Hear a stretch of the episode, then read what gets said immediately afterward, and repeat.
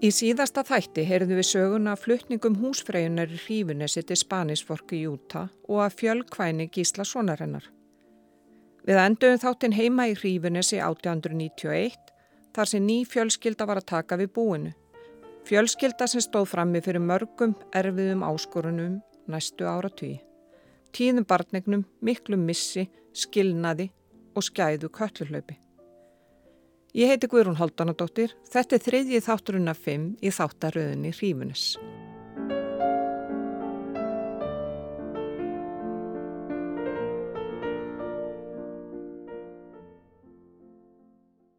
Lífsbaráttan í skugga köllu og við bakka holmsár hefur tekið á og í rauninni litað alla sögu ábúenda í Hrífunissi síðustu aldir einangrun þar sem að faratálmatnir eru meðal annars ströymhörði jökulfljót og illfæri sandar.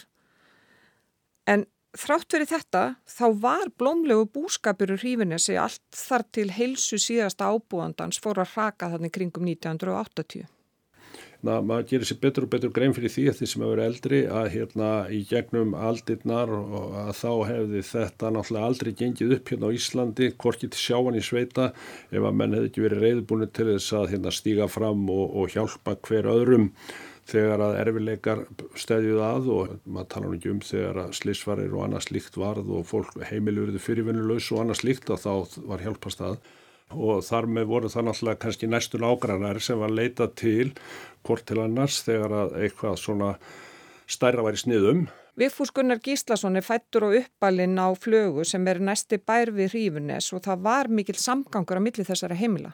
Prífunus var náttúrulega annálað góð jörð, það voru ímis hlunindi, það var náttúrulega mikil og góð sílungsveiði og síðan var náttúrulega eh, verið að nýta hrísin hér áður fyrir til kólagerðar og, og síðan var þetta náttúrulega bara að afburða gott hæglend og þeir voru með margt fjö og þar með standaðir vel að víi. Það eru tæki og tól í hrífunus, þeir voru alltaf framalega og annálað heimili þannig. En síðan var líka það sem að þeir höfðu að hérna, þetta voru náttúrulega gríðanlega miklu hagleiksmenn. Lítum aftur á ættatriðir hrífinusi.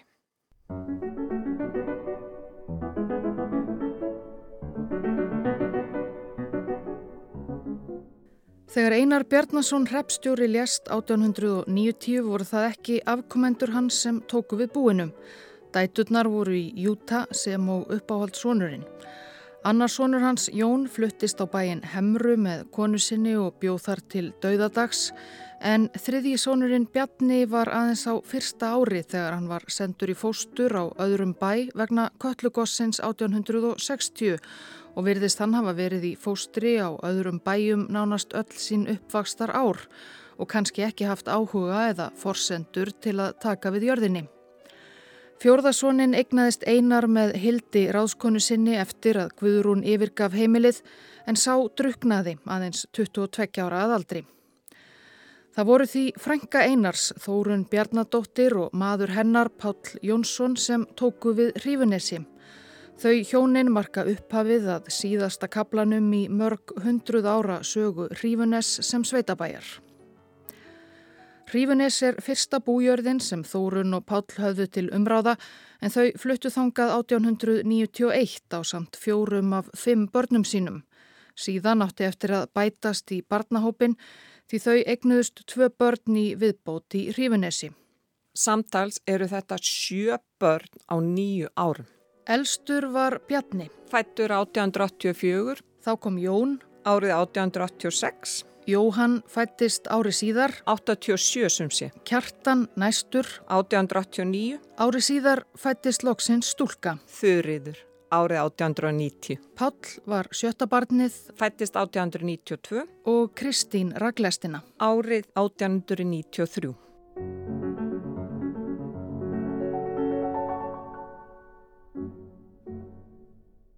og það þarf ekki að tala nýður blessa barnaláni til að taka ofana fyrir þórunni sem var meir og minna þungu í heilan áratug. Það var í sjálfi sér ekkit óvinnlegt á þessum tíma en dugnar hennar var samt annálaður í sveitinni. Það virðist vera, ég mann þetta nú ekki vel en maður náttúrulega heyrði aldrei talað um þetta og að því þú segir að Páll hafi yfirgefið þá kannski hefur hann verið settur bara út fyrir, ég veit ekkit um það en ég veit það að hérna að það var sagt með Þórunni Bjarnadóttir í Hrífunessi hún var stórbokki sko, hún var ekki neinn venjuleg kona held ég, ég held að það geti, maður hefur alltaf heyrt það og það held að það geti allir verið sammálu um það. Hún var meðalendingur, fætt östur á steinsmýri held ég Um þórunni byrtist minningagrein í morgublaðinu eftir ónemda skaftfelling árið 1946. Samtíða þórunni í Hrífunesi árin 1890 til 1910 var þið merkasta fólk er verið hefur í skaftartungu á síðari árum. Flest vel efnað að þeirra tíðar hætti og vel metið í kvíverna. Sumt alkunnugt fyrir atgerfisakir og drengskapar. Þótt efni væru ekki mikil í hrífunensi á þeim tíma en börnin mörg í ómeð framan af stóð heimili þeirrar þórunar sístað baki öðru myndarheimilum í sveitinni. Börnin auksu upp hvert öðru efnilegra og búið blomgaðist ótrúlega ört og að lokum auðnaðist þórunni að sjá hrífunens heimilið í höndum svonarsíns og tengdadóttur verða sangkalla merkis heimili um allan myndarbrag svo telja má það nú á meðal hinna allra fremstu í síslunni. Það er víst að engin meðal manneskja hefði ráðið fram úr þeim erfileikum er þórunar byðu í hjúskapnum því að hlutverk hennar var ærið vandasamt en henni stórbrotnu ráðdeldarkonu tókst vonum fyrr að skapa sér og börnum sínum lífvanleg kjör. Börnin mönnuðust öll vel og urðu hinn nýtustu og nötu mikill af vinsælda. Mun þórunar jafnan getið með hennu mætustu og tápmestu húsfreyjum í skaftartungu. Hún var elskuð og virt af skildum og vandalösum enda framkoma hennar jafnan hinn príðilegasta. Minningagreina samtímans eru gerna berorðar og þær sorgir og áskoranir sem að fólk hefur mætt á lífsleðinni en hér áður fyrir þá þótti það bara reynilega ósæmilegt að skrifa þannig og börnþórunum á Páls komust vissulega til manns En tveir sonana náðu ekki mikið lengra en það. Lítum aftur á ættatrið. Kjartan fluttist ekki með foreldrum sínum í Hrífunes heldur varðan eftir í seglbúðum til 11 ára aldurs. Þá fór hann að nágrannabæ Hrífunes flögu og var í eitt ár en 12 ára var hann ráðinn sem vinnumadur annar staðar í síslunni og var vinnumadur þar til hann druknaði við sílungsveiðar í skaftárósi 23 ára gamall. Páll Yngri var 16 ára þegar hann fór frá Hrífunesi og lauk æfinni sem sjómaður í Vestmanægjum þar sem hann druknaði. Dánardagur og ár Páls er hverki skráður ofinberlega en leiðam á líkur að því að hann hafi druknað á sjó. Tveir af fimm sónum Þórunar og Páls drukna sannsagt fyrir þrítugt. Og hjónin þau nutu ekki stuðnis hvors annars í þeirri sorg. Því eina svo áskorun sem lesa má á milli línana í minningagreininum Þórunni. Það er hverki minnst á Pál. Nema að þau Þórun hafi eignast nýju börn. Fjórum árum eftir að yngsta barn Þórun og Páls fættist þá skildu þau og Pál let sér hreinlega hverfa frá hrífunissi. Sankant um heimildu sem ég fann þá fór hann fyrst austur í Múlasíslu og þaðan fór hann til Noregs í framhaldinu. En svo bara virðist það alls ekki leggja ljóst fyrir hvert hann fór. Og hvað þá? Hvers vegna? Skilnaðar voru langt frá því algengir á þessum tíma eins og Gunnar Karlsson, profesor emeritus í sagfræði, skrifaði um á vísindavefnum 2016. Í grágás er ekkert ákvæðum að framjáhald sé skilnaðasök en það kemur inn skömmu eftir lok þjóðveldis í kristinrétti sem er kendu við Árna Þorláksson, skálhóldsbiskup og gekk í gildi 1275. Þar segir Nú er hjúskapur Karlmanns og konu löggilt samband og má þetta samband engi maður skilja nema annarkort þeirra gefi sig í klaustur áður en þau hafi samt saman komið að líkamslosta en síðan sem þau komu samt að líkamslosta skilð þau engi hlutur nema hórdómur. Þessi regla mun hafa gilt í megin adrum fram á 19. öld nema hvað valdið til að leifa eða banna skilnaði færðist frá biskupum yfir til verallera embætismanna konungs eftir síðaskipti til lútestrúar. Hjónaskilnaðir voru engum leifðir ef annarkort hjóna hafði verið staðið að framjáhaldi og hitt kausa losna úr hjónabandinu fremar en að fyrirgefa magasínum ofinbellega. Þá var megin reglan svo að aðeins það hjóna sem var saklust mætti ganga í hjónaband með öðrum. Þannig fengu til dæmis hjónin Ólafur Ásmundsson og Rósa Gummustóttir, skálkonan Vassenda Rósa, skilnaði leifi árið 1837 og aðeins honum var leift að ganga í hjónaband aftur. Er því sínilegt að skilnaðurinn hefur verið rækin til hjúskapabróts hennar en það er það alþekkt í munnmælum. Þegar Páll lit sig hverfa 1897 þá stóð Þórun einn fyrir búinu í Rífinusti. Ég fann ekkert um það hvað Páll var að sísla á þessum tíma annað en að hann var hægleg smiður og að það eru fægri smíðagrippi sem hafa varðveist eftir hann. Páll sneri aftur frá Nóri í 1923. Næstu þrjú árin bjóðandi skipti sér börnum þeirra þórunar á bæjum í vestu skaftafissíslu og lést síðan í Rífinessi. Þórun, hún lést tveimur áratugum síðar, 92 ára aldri, en það merkilega er að þau kvíla hlið við hlið í kirkjugarðinum að gröf, þrátt fyrir allt það sem áhafði gengið. Gunnar Jónsson lagfræðingur á eftir að koma mikið við sögu í næstu þáttum, bæði sem lagfræðingur og frændi næstu kynsluðar í hrífinessi. Hann er eitt fára sem þekkja sögu Þórunar á Páls en það dvalda hann oft í hrífinessi á sínum yngri árum. Gunnar segir að lítið hafi verið rætt um þetta skindilega brottkvar Páls og um leið heimkomu hans. Það var einhver lit með það að Pál hefði á einhver tíma á þeirra í búskap bara horfið að við vorum jarðar en samt talið eh, að hann væri í Nóri og svo er ekkert meira með það. Þórun heldur bara ákveðum að búa. Og þá er sinn hennar orðindátti starpaður og, og þetta gekk alveg hjá henni. Og, og um, svo skal ég segja þér svo bara kemur bát tilbaka og eins og Július bróðum ég segir að nú hann gekk bara sínum hefilbekk því hann var smiður góður og átti ágætan hefurberg og það líka fótsnúin fótsknúin rennibekk sem ég held að sé í skó en uh, allt í lagi með þetta að uh, þessi dulafulla persónu er bara eiginlega ekkert til umræðu alveg til dagsins í dag.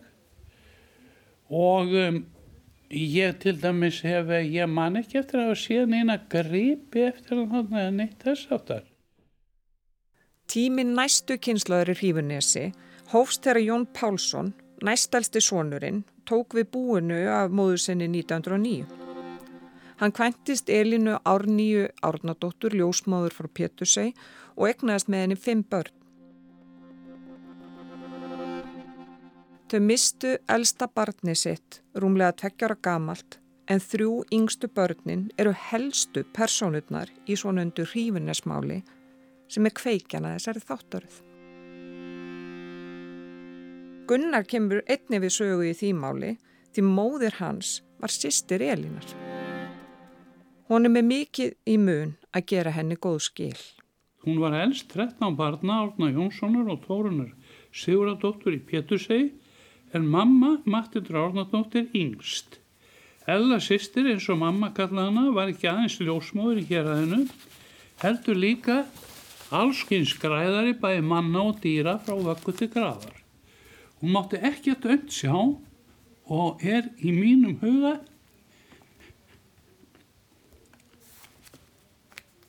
einhver mikil að hæfast persónu sem ég hef kynst.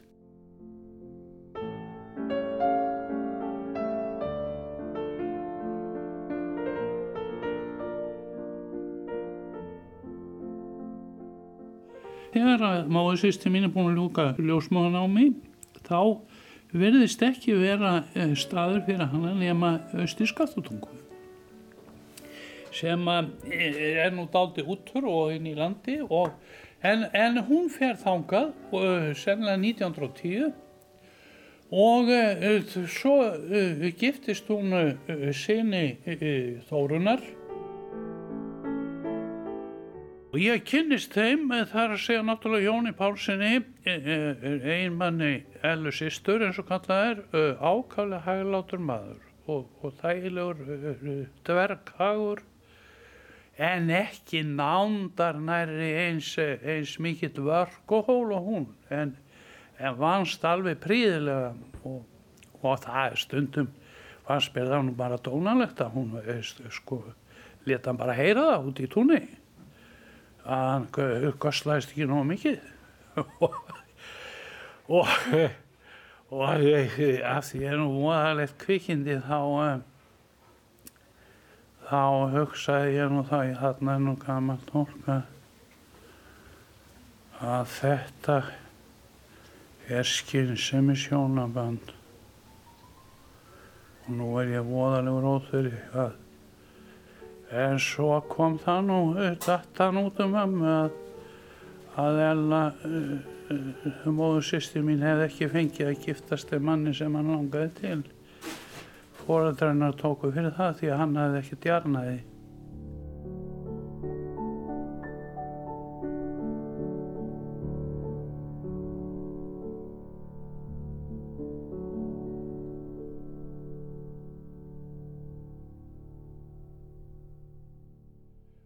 Ég var sendur í Rífunis uh, vorið 50 og ég man það. Þá fór ég með, með þórærni frænda mínum, við vorum sistra sinnir, skurður uh, var um, lorskjötamar og um, hann átti jeppa og hann fer með með það nöstur. Og það er fyrsta sömari mitt sem ég er í Rífunis og ég er þar svo næstu fjögur sömur. Og þegar ég kem til er þá eh, tíu háls árs þegar ég kemum hösti frá uh, Rífunissi það þá það er sameinlegt eh, öll þessi höst sem ég kom þaðan að þá stóð ég allir lappinnar af þrældómi. Og það var ekki að villu gert að en Elín móðsýsti mín hún var sko vörkohól þó svona gömul væri og fór alltaf með okkur út á tún og hún var alltaf bara koni keng og og þá þurfti að losa hana heim. Hún var snar óð í vinnu og svo var mér sagt að átni afi minn hefði verið eins. En hvað sem er með það að uh, þá uh, er því ekki það maður 53 um haustið þá um, er, nú fær það svona huga því ég hef ekki fengið eitthvað kaup. Nei, ég kem kauplaus. Og þá segir afi minn hinum einn Gísli Magnússon sem þá var áttræður akkurat að hann, ég skil nú ekkert í henni Elíni að borga ekki þetta stórum strák eitthvað kaup og, um, hva, uh, og það er ekkert meira með það en ég sé að mamma verður aldrei þunga á brún og það er ákveðið ég hefur ekki sendið meiri sveit. Í síðustu þáttum höfum við tíunda erfiða tíma í sögu lands og þjóður á 19. öldinni en lífi var heldur ekki dansa á rósum í upphafi 20. aldar.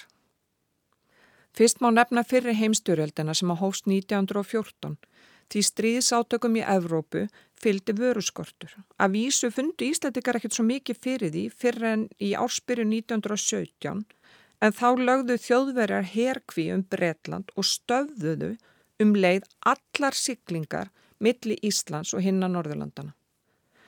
Þar sem skortur var að kólum og salti var erfitt að láta hjól aðtunulísin snúast og ekki bætt úr skák hríkaleg kuldatíð hausti 1917.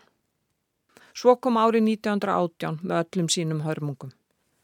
Frostaveturinn mikli, köllugós og jökulhlaup og spænska veikin sem kostaði tæp 10% þjóðarinnar lífið á örfáum mánum. Köllugósi 1918 var stórt, kom óvænt og stóði í 24 daga. Einu fyrirbóðin var jarðskjálti rétt eftir hádegi 12. oktober og um þrjú var kallafarinn að gjósa.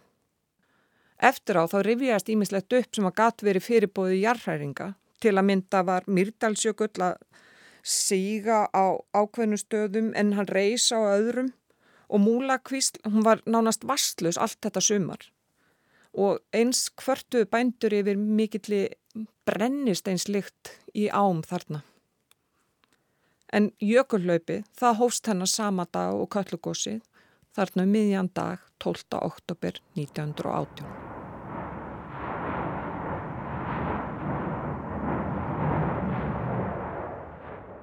Það hefur vafaljóst haft mikil áhrif á fjölskylduna í hrífunissi. Elin er þarna kas ólétt af fjórðabarni þeirra hjóna og átti það þarna aðeins tveimur vikum eftir að góðsunu lauk.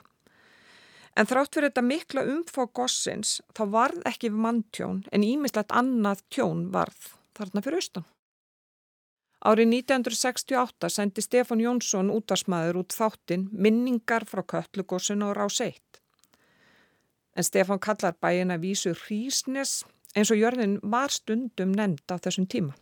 Í skaftártungu heyrðist eftir miðjandag þekna niður en síni var óglögt og sástegi til Myrdalsjökuls en brátturðu menn þess vísari hvaðum var að vera.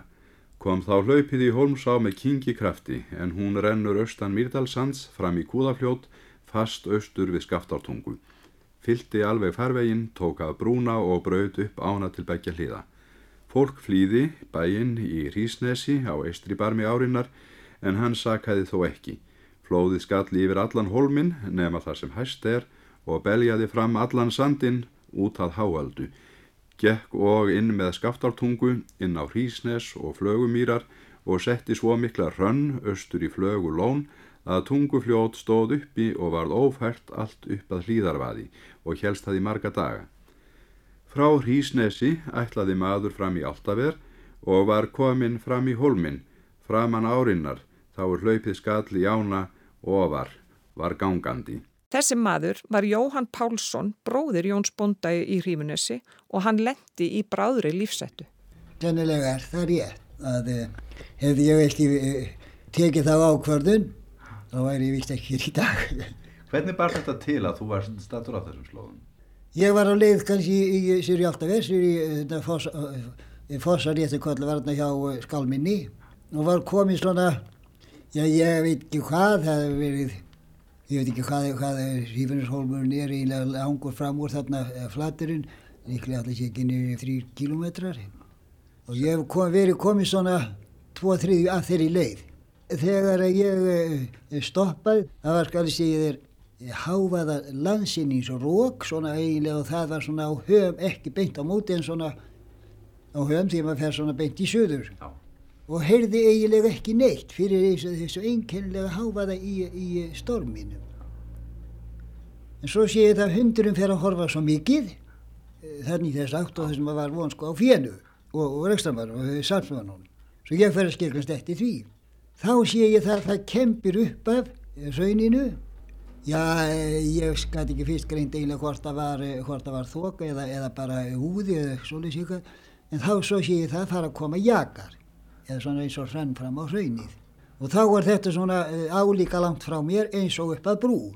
En svo sé ég stendi hérna svolítið stund að horfa á þetta þá sé ég að fer það hægt að það sé þó því veit það er holdin þarna þau er alltaf óvægt að fara austur á þau en ég sé að það muni að það muni, ég muni sleppa upp að brú eftir hraðanum. Og fer svo á stað. Og náttúrulega leipa alveg. Ég var nú, ég, ég var nú ekki mjög þungur á mér í þáttak, ekki svo. Hvað varstu gammal þá? Ég ætli ekki verið svona já, þrjá, tíu og þryggja ára líka. Nú þegar ég kem að brúni þá er sko gljúrið að fyllast en áir rennur hann alveg í vingil og er að fyllast að sko tanganum í vingilinn og er alveg kurt það kemst ekkert áfram bara því sönnin er svo mikil. Og þá er sko þegar ég fer niður úr skardinu það brúka verið sko langt um dýbra onni glúrinu, ekki neðar heldur bara dýbra onni glúrinu, ekki neðar með onni og þegar ég kem sko niður á brúna þá er orðið alveg fyllt upp á brúar gólf en ekkert vatn á því svo þegar ég kem sko þá þetta er nú nokkuð skref að hlaupa brúna en þá er það, það fyllt að það er orðið jafn á tandirum og þá fer sko guðsan yfir og lendir á, á fremra handriðin og, og skellir mér út í handriðin leið og ég næ fótvestu á landi. Og brúin af um leið? Og ég sá hann ekki meira náttúrulega, hún sást ekki meira sko því þá var ég, ég sönni kon yfir hana. Hún fór yfir hana, hún fór ekki með hana heldur, fór hún bara yfir hana og, og brúin fjell undir sönninni. Nú eins og þú veist þá myndast þjóðsögur á skamum tíma Jóhann mm. og sumir segja mér það að hlaupið hafi tekið hundin þinn en aðeins segja að það sé ósatt að það hafi aðeins tekið af honum skotti. Það er nú meiri villisann. Já, hundi veit ég bara ekki dum. Ég, hann, hann var með mér þarna alveg að brúnis og hafði ég ekki neitt eh, hvort ég hugsaði um hundin eða neitt eh, og vissi ekkert hvað um hundin varði. Og töldum vís náttúrulega neði farið í hlaupið og að neði farið með mér nýra brúna. En hundurinn hefur aldrei nýra brúna farið, heldur hefur hann sko hikað og einhver stað komist af þarna á hólónum yfir nóttina því svo kom hann sko strax morgun nettir. Þá kom hann bara beint hann upp að bænum. Í þá var áinn orðið sem það þurr með sitt skott? Hafði það allar tíð á eftir. En hundurinn varði eiginlega aldrei jafn góður eftir þessa, þessa svaðilfur. Hann, hann var eins og hann væri alltaf afskaplega viðkvæmur eitthvað. Já. Þetta var náttúrulega ungur hundur ekki eiginlega alminlega vaninn eins og þessi. Hjónin í Hrífunessi þau legdu kvorki köllu nýja aðra náttúru vá stöfða sig. Þau voru hagsín og áhugasum og því gekk búskapurinn nokkuð vel þarna hjá þeim. Hrífunesjörðin var alltaf talinn frekar góð bújörð, ekki síst vegna góðra vetrabeitar í byrkikjarri sem á þessum árum var talið mikilsvirði. Elin var ljósmóðir sveitarinnar um, um ára tuga skeið og, og hérna Sigriður dótturina var síðan ljósmóðir setna, kannski ekki lengi þarna fyrir austan eða mikið en, en hún var það á Selfossi þegar ég mann ettir ára, ára raðir, ára tugi líklega og Elin þótti náttúrulega afskaplega hæf og klár og góð manneskja og, og það reyndi nú mikið á hana í ferðalögum um, um vegleysur og ríðandi og allavega þarna sko og hérna og, og henni fórst það velur hendi. Og þetta var náttúrulega, það lukku allir upp einu rómi um það að þetta var afskaplega vandað og tröst og heiðalegt fólk og hérna og farnaðist vel. En svo minnist ég náttúrulega Jóns líka að hann var náttúrulega held ég alveg afskaplega mikill eljumadur og yðin og hérna og maður sá hann aldrei öðruvis þegar maður kom fram að hrífunissi jafnvel þó það væri eitthvað, eitthvað skemmtanir eitthvað í gangi eins og gætna væri hrífunissi að þá fannst manni hann alltaf vera eitthvað staðar svona að bjástra og sinna einhverjum skildum í samvættu við búið og það var auðvitað mikið og merkilegt í hrífunessi. Þetta var auðvitað hérna merkisbú og eitt af höfuð bílum sveitarinnar. Og þarna var fólk sem var á marganhátt kannski á undan sínum tíma því að hérna þetta fólk er alveg á kafi í byggingaframkvæmdum alltaf var alltaf sístarfandi og, og gaman að því að, að minnast þess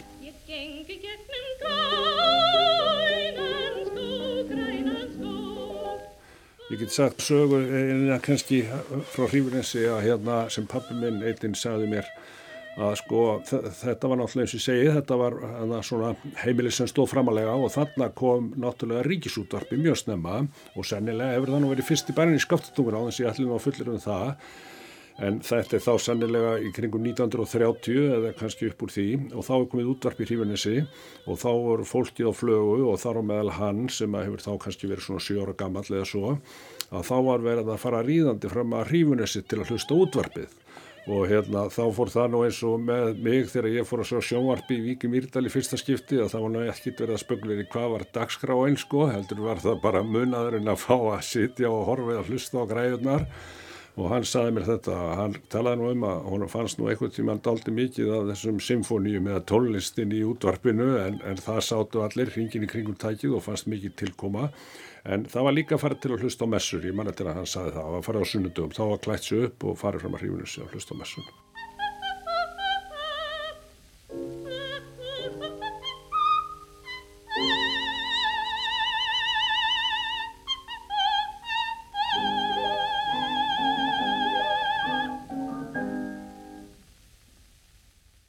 Jón og Elín egnuðust börn á tveggjara fresti frá 1912 til 1920.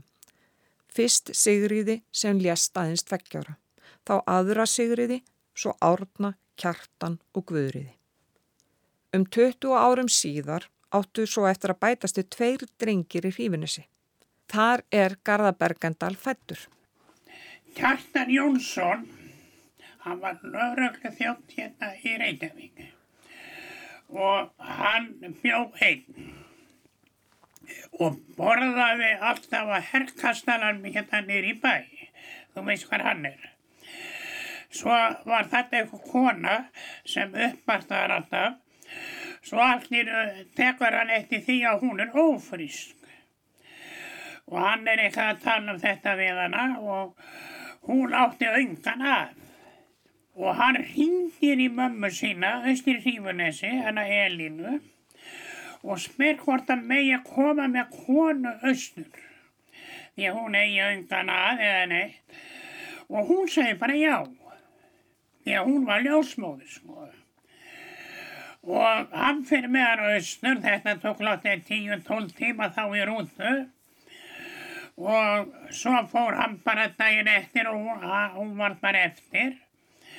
Og þetta gekk allt ágætlega þarna sam, samkvöndan og allt í fína lagi og ég var aldrei var við neina áreistina. Og svo láþulega fættist ég 19. september 43. Og svo bara var ég þarna, hún gaf mig aldrei sko, hún kom alltaf af og til og svo láttulega gekk ég þarna í barnaskóla og ég fermdist þarna og, og allt í lagi og svo fór maður láttulega að vinna. Ég held ég að veri hvað 12 eða 13 ára gafa þegar ég fór að byrja að vinna á jarðvítu þarna. Svo kjartan, næst yngsta barn hjónana, kom með móður Garðas í Rífunis. Garðar á heldur betur eftir að koma við sögu í næstu tveimur þáttum, líkt á Sigurður Ævar Harðarsson sem einni ólst upp í hrífinissi hjá Elin og Jóni fyrir tilstöðlan eldstu dóttu þeirra.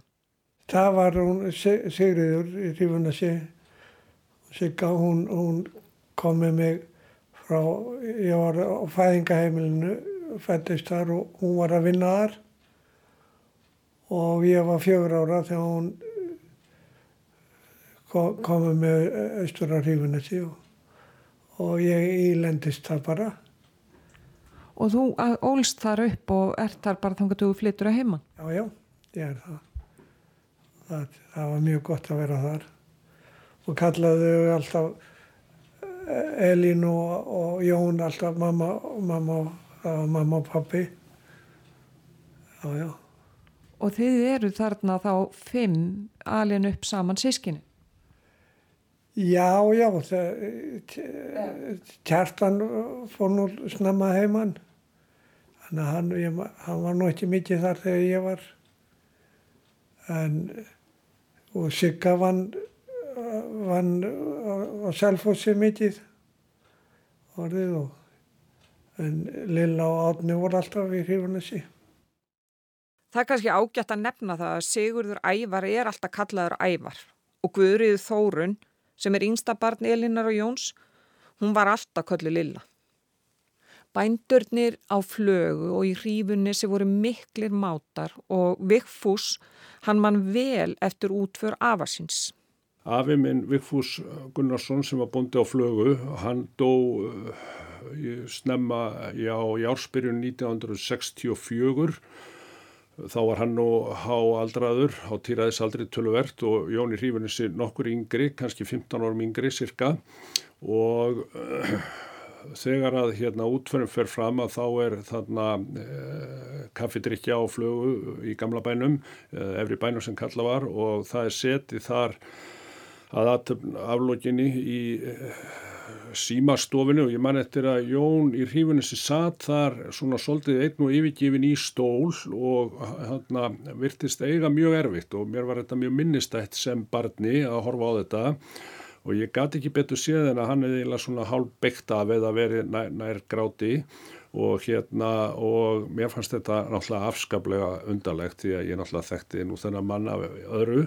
En ég hef hugsað um það síðar að þarna hugsa ég sko að það hefði farið svona fram kannski ákveðu uppgjur í huga hans um það að nú væri þessum leika ljúka hjá þessum herramannum og það sem er náttúrulega líka merkilegt við það að þeir voru náttúrulega búin að vera bændur þarna á hlið við hlið í sko 60 ár eða eitthvað álíka og, og hafðu náttúrulega síðan þeir hafa verið börn og úlingar verið þarna samtíma menn, allar götur.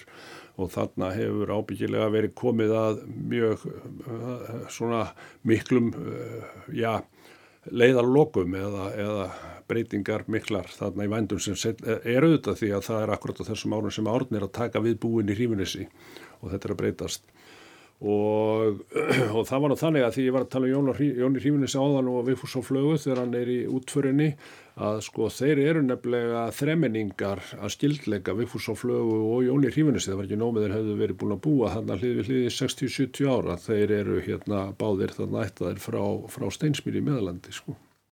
Jón livði í sjö ár eftir þetta. Hann lést í Hrífinissi 1971 og Elín, kona hans, tveimur árum síðar. Vigfús var 14 ára þegar Jón dó. Já, ég mann afar vel eftir því. Ég, hérna, hann ævar í Hrífunessi, hann hitti mig, ég var þá í úlingaskóla út í Víki Mýrdal og hérna hann kom og tilkynnti mér það að hann var fallin frá því að þetta var náttúrulega næsti og, og kannski kærasti nágranni og svo hérna var það síðar, líklega tveimur árun síðar um sumartíma þá, hérna, þá dó Elín og hérna ég man það að var vel vegna þess að hérna það var til þess að hún hafði af okkur dansleik á kirkjubæðaklöstrið um sumarið og það þótti ekki við eigandi að sjálfsögðu að það, þegar hún stóð uppi að þá var ekki verið fólki á næsta bæ var ekki að fara á ball á sama tíma, það var ekki bóðið sko.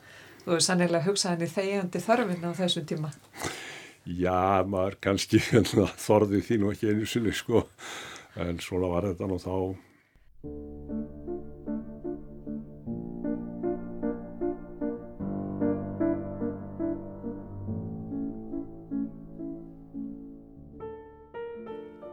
En eru við komin að nýjum kabla í lífi fóksins í hrífunissi. Í þetta skipti eru það alvarleg veikindi og heftúðugar deilur um jörðina sem valda vinslitum.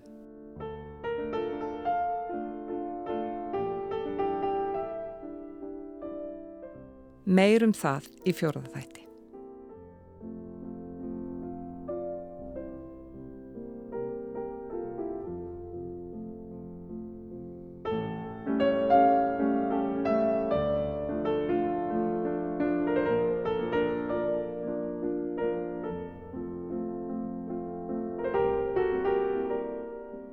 Þáttarauðin Hrífunes er framleitt af Rás 1. Umsjón og dasgrágerð Guðrún Holdanadóttir, réttstjórn og samsetning Anna Marsipir Klásen, tæknimaður Lítiða Gretastóttir.